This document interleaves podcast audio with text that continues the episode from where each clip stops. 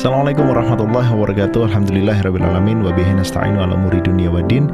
Assalatu wassalamu ala syarafil anbiya'i wal mursalin Sayyidina Muhammadin wa ala alihi wa ashabi wa man tabi'ahum bi ihsanin ila yaumidin. Alhamdulillah gimana pagi ini kawan-kawan yang dirahmati Allah? Semoga sehat selalu Semoga Allah senantiasa membukakan rezeki kepada kita Dan tentunya memberikan kesehatan dan juga nikmat dari segala nikmat adalah keistiqomahan dalam iman dan Islam. Salat serta salam semoga senantiasa tercurah kepada junjungan kita Nabi besar Muhammad Sallallahu Alaihi Wasallam, keluarga beliau, para sahabat dan umat yang setia hingga akhir zaman. Nah, ngomong pagi-pagi gini, uh, kayaknya asik kalau kita nge-live soal produktivitas. Jadi uh, sebenarnya Islam ini agama yang sempurna banget begitu ya, sebagaimana uh, dicantumkan dalam surah Al-Maidah bahwasanya Islam itu sempurna dan ini adalah agama yang uh, paripurna buat kita. Nggak ada agama yang diturunkan oleh Allah setelah Islam dan Rasulullah Muhammad Sallallahu Alaihi Wasallam adalah penutup dari semua nabi dan rasul.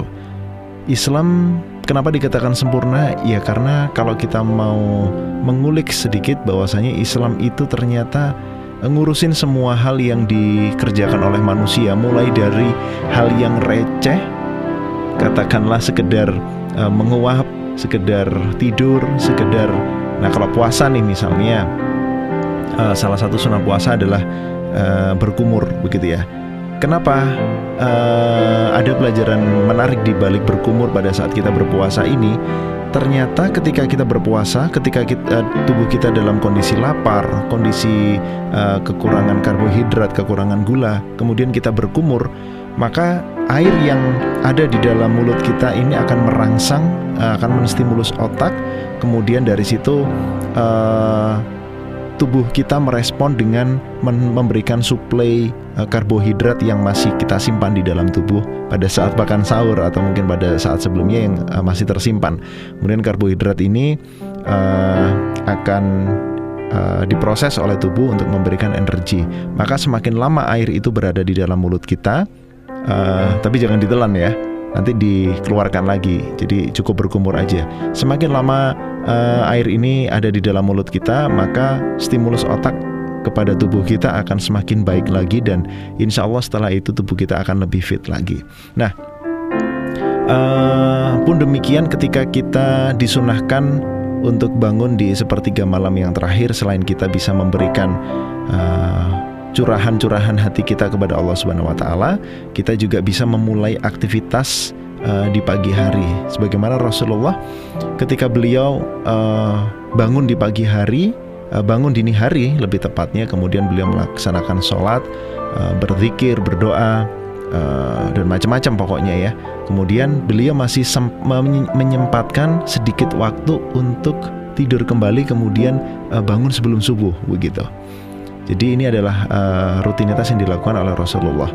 Jadi ternyata kita nggak perlu banyak-banyak tidur asal kita tidur di waktu yang uh, tepat. Nah, sebenarnya kapan waktu tepat yang uh, uh, kapan waktu tepat untuk tidur? Ya sebenarnya ba'da sholat isya itu adalah waktu yang nyaman, waktu yang tepat untuk tidur. Kemudian nanti sekitar tengah malam kita bisa bangun dan ternyata uh, itu sangat baik gitu ya. Jadi ada jam golden hour uh, waktu emas untuk kita bisa tidur yaitu antara jam 11 sampai jam 1. Jadi sebelum tengah sedikit uh, sebentar sebelum tengah malam sampai sedikit melewati tengah malam itu adalah golden hour. Ini menurut penelitian uh, uh, medis begitu ya. Tapi kita bisa ambil sebagaimana Rasulullah contohkan uh, sebelum uh, mohon mohon maaf setelah sholat isya kemudian nanti sekitar tengah malam menjelang menjelang um, ya menjelang dini hari menjelang sepertiga malam yang terakhir itu kita uh, bangun begitu.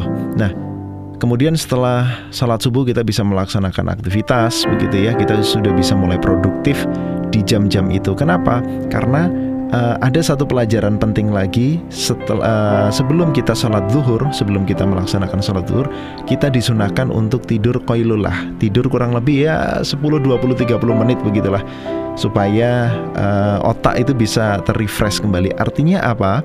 Pada uh, masa siang hari sebelum waktu zuhur, tubuh kita mengalami penurunan dan pada saat itu kita uh, disunahkan untuk uh, apa ya recharge lagi uh, tubuh kita dengan tidur koilullah itu yang nggak terlalu lama. Kemudian baru setelah itu bisa beraktivitas lagi dan pada saat itu kondisi tubuh kita akan lebih menurun sampai nanti uh, salat asar maghrib isya kemudian kita bisa tidur kembali nah kemudian gimana kalau aktivitas malam ini sangat rumit ya kan? Harus ngaji harus belajar harus, harus taklim di malam hari. Uh, ini mumpung kondisi sedang seperti ini kita bisa mencetak habits baru dalam hidup kita. Kita bekerja dari rumah, belajar dari rumah, insya Allah itu akan menjadi sesuatu yang berharga sehingga kita bisa melakukan segala sesuatu dengan lebih efisien.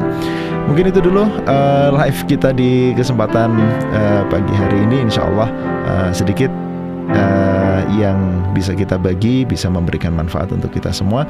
Selamat menjalankan ibadah sholat subuh. Kalau yang masih di rumah, semoga bisa berjamaah bersama keluarganya yang ada di rumah. Idina suratul mustaqim, wa minkum. Assalamualaikum warahmatullahi wabarakatuh.